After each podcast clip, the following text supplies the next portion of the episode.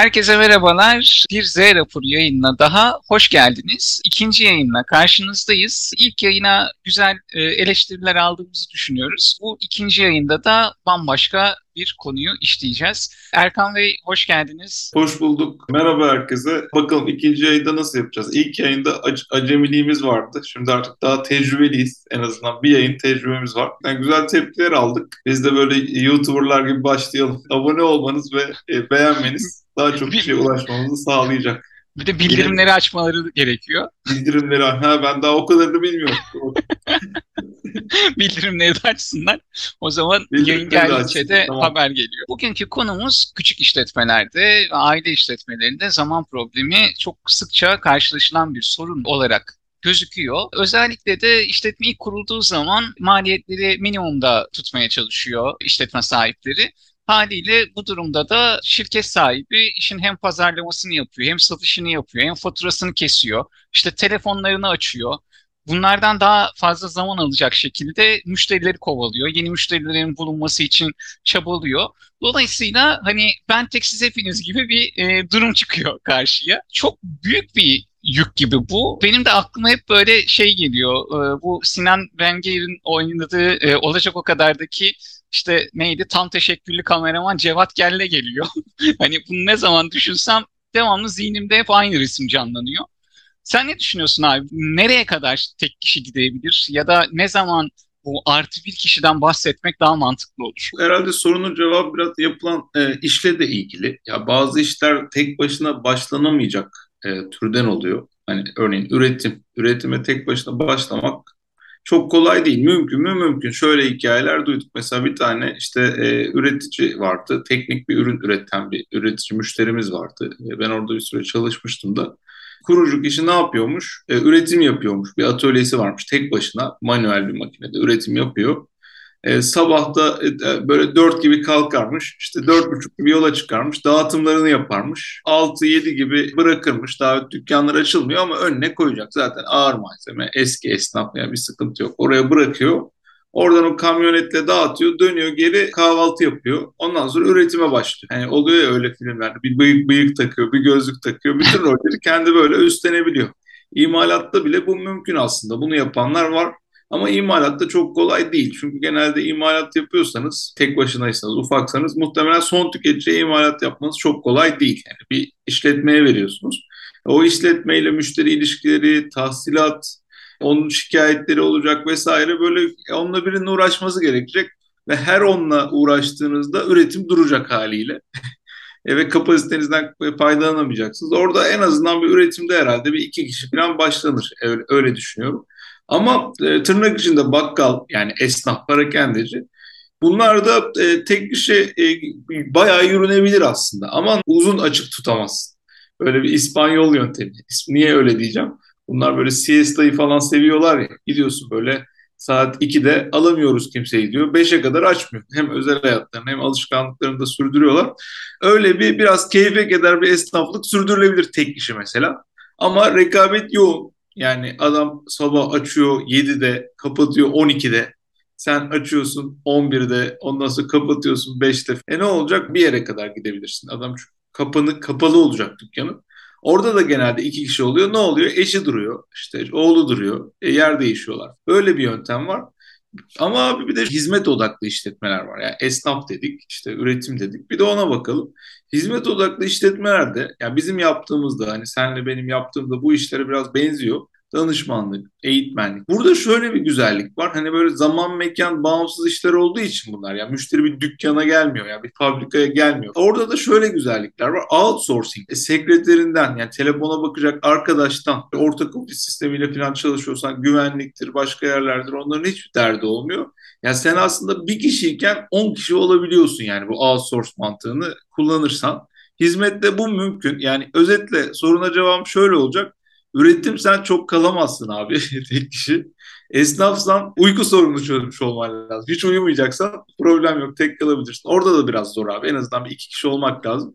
Ama bence hizmetse, yani danışmanlık gibi hizmetlerse, eğitim gibi hizmetlerse tek kişi yıllarca sürdürülebilir. Hatta genelde insan tek kişiyken daha karlı oluyor açık söyleyeyim. Yani biz de işletmeyi büyüttüğümüzde büyüdü, kurumsallaştık, şu oldu bu oldu, e, dışarıdan güzel oldu ama içeriden kara baktığında hiç de o kadar tatlı olmadı. O nedenle yaptığın işe göre bence değişiyor. Benim böyle bir yorumum olacak. Bakkalsan da muhakkak ki bir işte evlere servis hizmetin varsa illaki bir kurye maliyeti geliyor veya işte taşımacı maliyeti geliyor. Hatta bizim mesela mahalle bakkalında şöyle bir şey var. Adam gidiyorum işte diyorum ki mesela kimyon var mı? Baharatlığa bakıyor falan kimyonu bulamadı. Abi diyor dur diyor bir saniye diyor depoya hemen bakıyorum diyor. Sen diyor otur orada diyor. Gözümle de görüyorum yani çocuk motosiklete atlayıp karşı bakkala gidip kimyonu alıp geri geliyor. Yani hani bir de bizim esnafımızda şöyle de bir şey var hani e, hani gelmiş e, benden de bir şey istemiş kesin bütün evet. beklentilerini karşılayayım öyle geri göndereyim diye. Bir de bununla senin şu siesta'yı karşılaştırdığım zaman hani adam yok diyemiyor depomda diyor karşıdan alıyor. Bir de herhalde kapının kapatılmış olması bayağı bir bizim esnaf zihniyetine ters. Aslında karlılık olarak belki de daha mantıklı bir hareket olacak kapatması ama. Belki küçük şehirlerde böyle birbirini tanıyan ortamlarda falan hmm. böyle değildir ama büyük şehirlerde de dükkanı bırakıp gidilmez yani. Hırsızlık olur bilmem ne olur. Ya müşteri bir şey yapmasa biri gelir geçer bir şeyler olur yani hani açıkçası. Güvenlik problemi de var. Ama şu kurye konusunun isimlerini vermeyeyim. Bir sürü böyle şeyler var. Özellikle böyle hızlıca getiren e, böyle şirketler var baktığınız zaman. Yemek dağıtım şirketleri de bu işlere girdiler. İşte marketler de bu işlere girdiler. Böyle iyice bakkal amca dediğimiz tarzı doğru inmeye başladılar. İşte çarşı diyor vesaire. Orada hesabını açıyorsun. Özetle bazen motosikletle bazen başka yollarla sana aslında kurye desteği veren outsource yerler de var. Bu, Belki de e, daha karlı oluyor aslında. Yani şimdi motosiklet var, motosikletin bakımı var, personeli var vesaire. Daha karlı getiriyor olabilir. Bir daha bir erişim alanını ister istemez arttırıyor, fiyatlıyor Hı. falan. Buradan bir saat uzağa da bir şey satabiliyorsun. Bu aslında zamanı söyleyince aklıma bir şey daha geldi abi. Onu da koyalım bence. Geçenlerde bir e, böyle hayırlı bir iş için bir Anadolu'nun bir yerine gittik. Orada bir e, fark ettim bir yol üstünde bir lokantaya uğrayalım dedik baktık. Haritadan baktık. Ondan sonra orada dedik ki puanı şöyleymiş gidelim. E, seçimimizde şu etkili oldu. İyi ya etler şeyin de malzemelerin etlerin erkenden bitiriyormuş. Yani çünkü bazı öyle yerler var ya bir porsiyon seçiyor kendine. Ben diyor bunu bugün bitireceğim. Kaçta bitirirsem o zaman gideceğim diyor mesela. 3'te bitirirse 3'te gidiyor. 12'de bitirirse 12'de gidiyor. E, çünkü o onun butikliğinin yansıması aslında. E, o da gittik gerçekten çok güzel çıktı o. E, bir köfteci işte e, yerel bir köfteci. Ama işte o da onunla gurur duyuyor zaten. Abi diyor dün diyor 12.30'da bitirdim diyor ya böyle bir şey var mı diyor. 12.30'da kapatmış gitmiş. Atıyorum böyle modeller de var. O siesta'ya biraz benziyor ama e, tabii çok niş bir alan Bu modelde var. Belki isim yaptıktan sonra neden olmasın? Talebi de arttırıyor. Siz kalkmışsınız, kurmuşsunuz haritayı gitmişsiniz vesaire. O gerçekten de ayrı bir pazarlama tekniği belki daha sonra bir yayında değiniriz. Bir de benim mesela mutlak cevabını bulamadığım bir soru var kafamda devamlı. Bazı küçük işletmelerde sürekli patron diyelim yeni müşterilere odaklanıyor. Devamlı adam geceliğin rüyasında yeni müşteriler kovaladığını görüyor vesaire. Sabahleyin kalkıyor. Hemen ilk işi yeni müşteri bulmak oluyor. Mevcut müşterilerin taleplerini ikinci plana atıyor. Yani hani zaten işte mevcut müşteri, cebimdeki müşteri, hep benim olan müşteri deyip sürekli yeni müşteriler kovalıyor. Buradaki amaç ne? Yeni müşterinin işi illaki bitecek, faturasını illaki kesecek. Yeni müşterilerle de döngüyü devam ettirmesi. Başka işletmelerde mevcut müşterinin taleplerine inanılmaz derecede odaklanıyor. Muazzam bir müşteri memnuniyeti sağlıyor ama bir riski de bu beraberinde getiriyor. Faturayı kestiği zaman hiçbir şey olmayabilir ceplerinde. Cepleri bomboş olabilir. Nasıl bir denge kurmak lazım? Gerçekten de hani müşteri memnuniyetinin sağlanması da çok çok önemli. Öte yandan da yeni müşterinin de bulunması gerekiyor. Ona da bir zaman harcanması gerekiyor. Nasıl bir denge kurulabilir burada Erkan? Az önceki ayrımdan hani bu hizmet, üretim orada hatta bir de B2B yani kurumsal firmalara ya da bir işletmelere iş yap, yapmak ya da e, tüketici, son kullanıcıya e, iş yapmak. Bunların arasında biraz fark var. Çünkü eğer siz kurumsal bir yere iş, bir kurumsal olmasa da yani bir şirkete iş yapıyorsanız, bir işletmeye ya da bir kuruma iş yapıyorsanız burada benim önerim o bir tane iş yapmak, başka iş almamak en başta. Çünkü o e, ilk başlardaysanız o bir iş yaptığınızda o sizin şeyiniz oluyor sanki böyle bir kalıbınız, şablonunuz. Orada bütün emeğinizi vermek, bütün iyisini, kötüsünü anlamak Ondan sonra tamam ya ben bu işi çevirebiliyorum. Şu kadar da boş günüm kalıyor. Şu kadar da bilmem ne. Zaten proje bazlı ilerliyorsa bitecektir belki. Orada ilkinde ben tek gitmeyi öneriyorum. Sonra e, kapasiteni anlayıp zaman kapasitesi, kaynak kapasitesi, ilişki yönetimi kapasitesi, bazen müşteri zor oluyor yönetmek. Ona göre o hem bir dahaki müşterideki fiyatlamanı da belirleyecek. Çünkü başta ilk benim şöyle bir tecrübem var. İlk başta koyduğun fiyat her zaman e, böyle işlerde yanlıştır yani. Hani bunu bilmek lazım. Çünkü bilmiyorsun. Ne vereceğini bilmiyorsun, ne alacağını bilmiyorsun. Bir fiyat koyuyorsun. E, sonra efora göre değişiyor anlıyorsun. O yüzden burada tek tek gitmek anlamlı. Sonra kapasite boşluğuna göre ben aynı anda iki tane şirketi yönetebiliyorum. Aynı anda üç tane yönetebiliyorum diyerek büyünebilir. Yani o kapasiteyi anlayıp. Şimdi ama abi yine bakkala dönelim. Sen bir şey açtıysan B2C. Orada bir tane müşteriyle yürümenin imkanı yok. Çikolata aldı bitti. O yüzden bir daha almayacak. Kim bilir ne zaman gelir. Orada mecbursun yani e, çok müşteriye hizmet vermeye B2C'de. Orada da şöyle bir kapasite tespiti yapılabilir. Ben aynı anda kaç müşteriye hizmet verebiliyorum? Bir T anında kaç müşteriye hizmet verebiliyorum? Yine bakkaldan gidelim. Bakkal aynı anda 3 kişi geldi. Biri diyor gazoz, öteki diyor beyaz peynir, öteki diyor şampuan. Şimdi burada aynı anda üçüne de sen vereceksen, sen hazırlayacaksan siparişleri bir sorun var. Bekleyecekler belli ki. O zaman yanına birini alması lazım.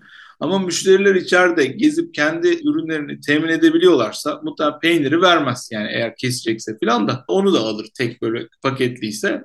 Yani onları alıp kasada sen duruyorsan bu yine tek kişi gidebilir. Yani o zaman ne, ne yaptık burada? Sürecini zaman yönetimine göre sürecini tasarlaman lazım. Çünkü genelde burada sıkıntı bir kişiden iki kişiye çıkmada olmuyor da abi şöyle oluyor.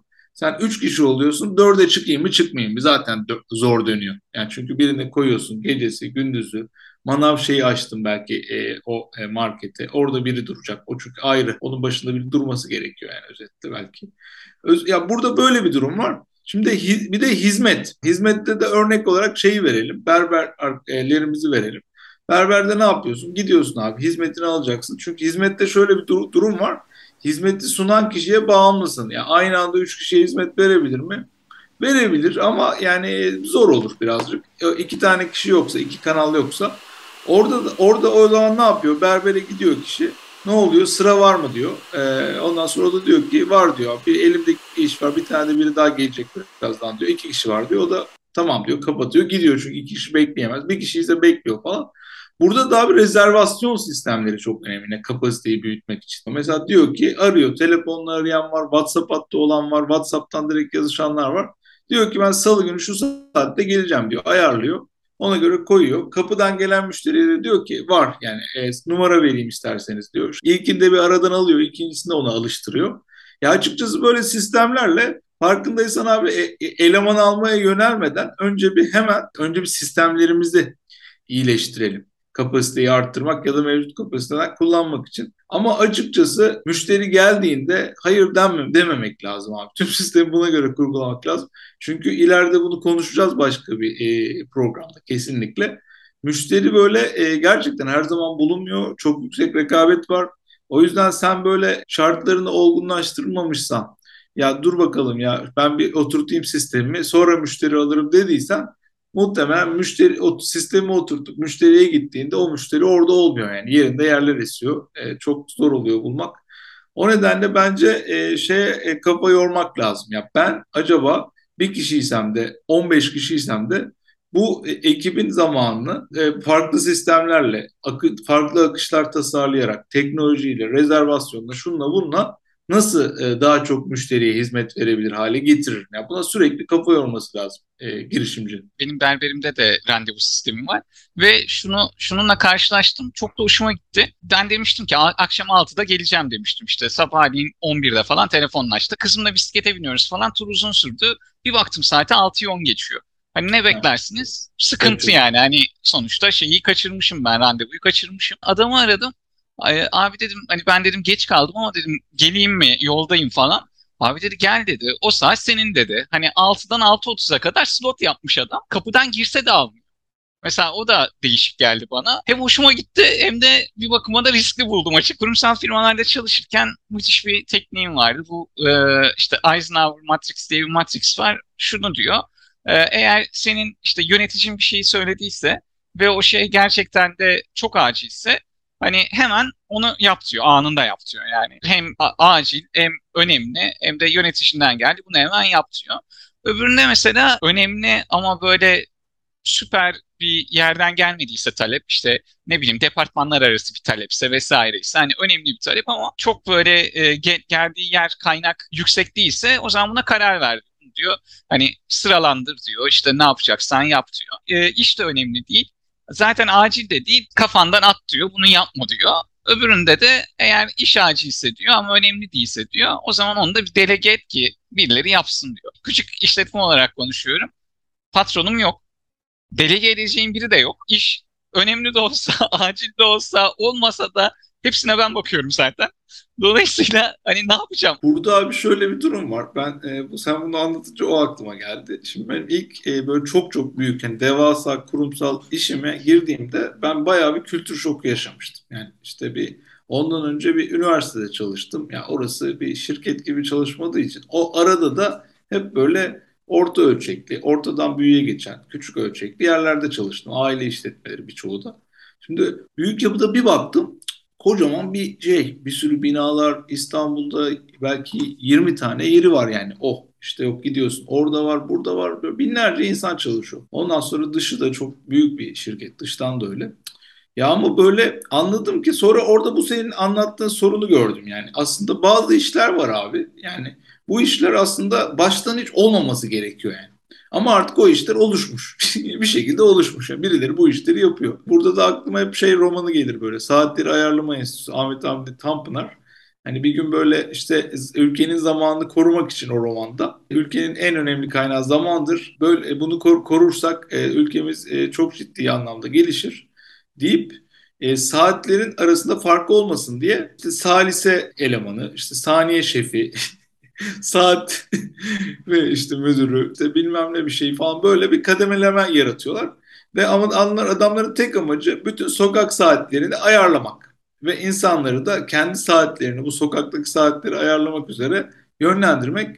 Böyle bir ulvi amaçla yola çıkıyorlar. Ama ondan sonra o kadar e, tuhaf bir bürokrasi oluşuyor ki içeride. Yani sonuçta onu yaptığın zaman gereklilikler oluşuyor. İşte onu yapıyorsun, bunu yapıyorsun. Denetimler, herkesin gördüğü bir görsel vardır. E, bir tane böyle e, kanalizasyonda görevli olan bir işçi var. Etrafında bir sürü kişi var. Biri çalışıyor. O onu kontrol ediyor, o onu kontrol ediyor. Ben açıkçası buna benzer bir yapıyla karşılaştım girdiğim o kurumsal şirkette. İnanamadım. Ve benim böyle daha küçük işletme reflekslerim olduğu için ya bunu niye yapıyoruz? Hani yapmamalıyız. E işte onun için şunun için sen hani e, daha bunları bilmediğin için falan hani tecrübesizliğime doğru gitti konular falan. Valla bir tane şeyi hatırlıyorum hatta. Bir rapor hazırlanacaktı. SAP kullanıyordu. Yani alacakmış. O yüzden SAP uzmanları işte onun için çalışıyorlarmış. O bilmem neymiş, şu bilmem neymiş. Ve herkes birbirine atıyor topu abi. Rapor ya, rapor gelsin de biz iş yapacağız yani. yani ne yapacağız? En sonunda ben dedim Excel'e dökebiliyor musunuz? Bunu dökebiliyorum. Excel'e dökünce de binlerce satır var yani. O raporu bulmak zor. Ben tabii alışmışım eskiden binlerce satırdan. Yok düşe yaralar, pivot tablolar, çat çut böyle çıkardım böyle. Yani yarım günde. Yani dedim onlar yine yapar dedim. Biz bunu kullanalım. Orada bu bahsettiğin şeyi hissetmiştim ya. Özetle abi bu Eisenhower matrisler falan çok şey. Eisenhower zaten bir komutandır. Yani savaşta bunları kullanır aslında. Neyi önce yapıyoruz, neyi yapmıyoruz, neyi e, arka birliklere yönler, neyi ön hattaki, ön hattaki birliklere yönlendiriyoruz. Ama benim önerim şu olacak öncelikle. Yani bir işin gerçekten gerekli olup olmadığını baştan belirlemek lazım. Yani küçük işletmelerde ya da aile işletmelerinde hatta yapılabiliyorsa büyük işletmelerde. Keşke çevikleşebilseler onlardan. Önce o iş gerçekten gerekli mi değil mi? Çünkü gerekli olmayan bir işin e, daha alt bir personele delege edip onu da boş bir işle uğraşılmasının sonunu biliyoruz. Sonu o insanların yeteneklerinin, e, yetkinliklerinin körelmesi, o insanların tabi tırnak içinde memurlaşması, yani yanlış anlamasın hiç e, devlet e, yetkililerimiz. Yani artık emir komuta zincirinde tamamen söyleneni yapıp inisiyatif almaması anlamında kullandım burada. Ya da ayrılması. Yani ben burada yürüyemem. Bana ne burada demesi. Şimdi biz aslında mesela bir tane çöp, e, akvaryumda olanlar bilirler. Bir çöpçü balığı tabir edilen bir balık vardır. Bütün balıklar yemeklerini yedikleri düşünülür. Balık da çöpleri yer diye düşünülür. Ya aslında bu balık çöpleri falan yemez. Ya bu balık diğer sadece yemeklerin artıklarını yer. Yani e, ya, e, yine yemek yer aslında. Hani o anlamda o iş iş olmalı gerçekten bir baktığında. Yani işse ondan sonra bu delegasyona geçilmeli. Şimdi önceliklendirme. Diyelim ki varsayalım bu bir iş. Gerçekten bir iş. Şirket için gerekli. Yalnızca zamanın acil olup olmadığı önemi konusunda tartışmalar var. O zaman da şöyle yapmak lazım bence. Yine bu ölçekteki küçük işletmelerde müşteriye ben bunu fiyatlayabiliyor muyum? Evet yani bunun parasını alabiliyor muyum? Tamam güzel. O elemeyi geçenleri yapmak lazım önce. Ondan sonra bazı şeyler vardır müşteriye fiyatlayamazsın ama o ürünü hizmeti sunmak için mecbursundur bu. Ya bu bir sağlık standardı olabilir, ya da müşteri para vermiyordur ama yani o ürün taşımasıyla ilgili bir şey olabilir. Yani oraya ulaştıramazsın yoksa senin boşuna deponda yer işgal eder. İkinci de bu zorunlu şeyler. Zorunlu şeyleri yapmak lazım. Onun dışındaki işleri outsource yine etmeyi ben önereceğim. Yani çünkü senin elemanın sen zaten küçük yer işletmesi. Senin elemanın değerli. Örneğin sen 3 kişilik bir çalışanın var. Bu 3 kişi çalışandan bir kişiyi muhasebe işlemlerine veriyorsan yazıktır, günahtır yani. E git bir tane zaten mali müşavirin var. Oradan destek al. O senin, yani o sana destek olsun. Ya yani bir, biraz da e, beyanname verileceği dönem akşam işten biraz geç çık. Hallet yani. Hani boşuna elemanı doldurma. Hani o paperwork'lerle. Böyle bir yaklaşım var benim. Ya e, bir Eisenhower'a tam oturmadı ama işin böyle doğuşundan itibaren e, bu bu tarz şeyler öneriyorum. Hatta önermeyi bırak yani esnafları e, esnaf kültürüyle yetişmiş insanların, böyle büyük girişimcilerin, böyle hani bizim gibi eğitim süreçlerinden geçen değil de direkt iş hayatına atılan insanların doğuştan bu yetenekleri olduğunu düşünüyorum ben. Yani biz böyle güzel güzel anlatıyoruz, formüle ediyoruz da o zaten böyle ne gerek var abi ya onu deyip tak geçiyor. Kafayı çeviriveriyor. Yapılmayan zaten tutunamıyor piyasada. Aynen öyle. Yani bazı insanlarda bu reflekslerin gelişmiş olması çok çok doğru bence de. Hele hele aslında kurumsal hayatta inanılmaz derecede işte fazla vakit geçirmiş insanların aslında belki hani kendi işletmelerini kurmasında yaşadıkları sancılar daha büyük oluyor. Kafalarında belki de hani önemli olmayan görevleri önem atletmekte oluyor. Hani öğrenilmiş e, çaresizlik mi diyeyim artık ondan ötürü kurumsal hayatta. Bir işte tanıdığımızın evine gittik. E, ekmek kızartma makinesi bozulmuş. Hanımefendi dedi ki Mehmet dedi sen dedi anlıyorsun dedi böyle şeylerden dedi. Bir baksana dedi.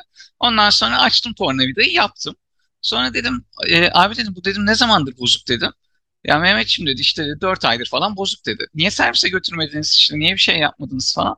Oğlum dedi bak dedi şimdi dedi benim de zamanım dedi çok değerli dedi. Ben dedi yöneticiyim dedi. Onu servise götürsem dedi. Götür getir benzin parası dedi. Bu dedi benim kriterden geçmedi. En son 4 ay önce kullanmışız dedi. Yenisini de almadım o yüzden dedi. Yani böyle adam yöneticiye direkt servise götürüp getiriyor maliyeti.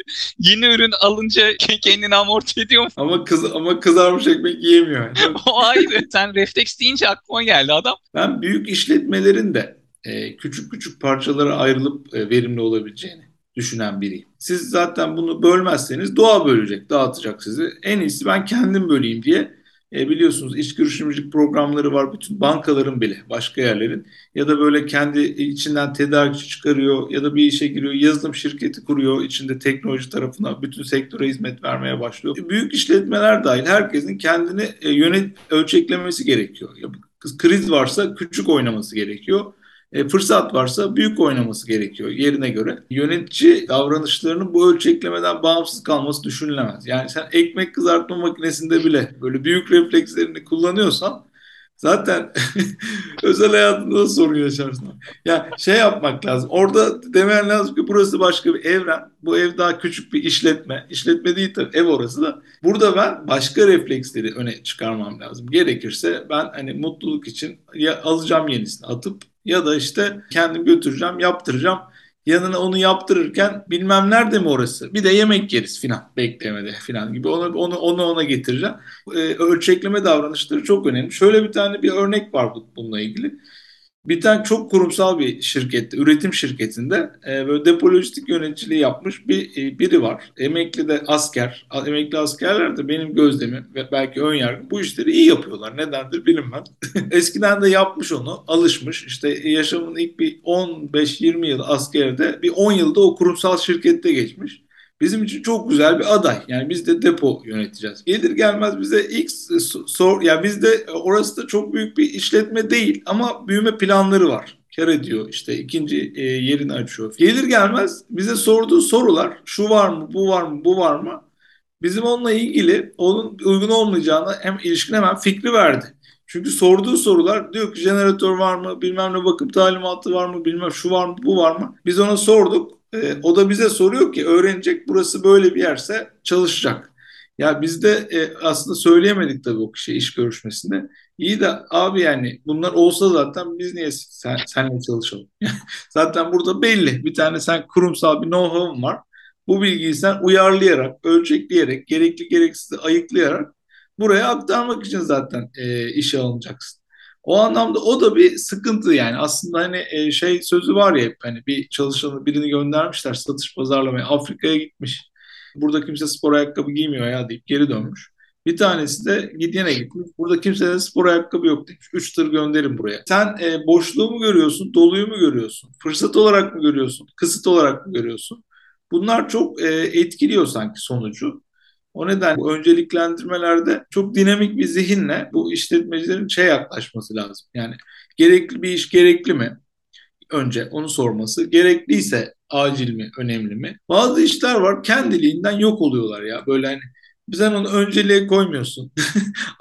öne, önem vermiyorsun falan. Sonra bakıyorsun bir, bir iki hafta sonra o iş yok. Ne oldu diyorsun falan. Ya, yok yok sıkıntı yok orada diyorlar. E iyi diyorsun yok ya o iş zaten hiçbir zaman yokmuş. Yani. Çok da önemli değilmiş benim adım çıkmıştı eski firmada Mehmet yine ölü taklidi yapıyor diye. Çünkü ölü taklidi yaptığın zaman nihayetinde bir şekilde çözülüyordu. Böyle çok küçük işler.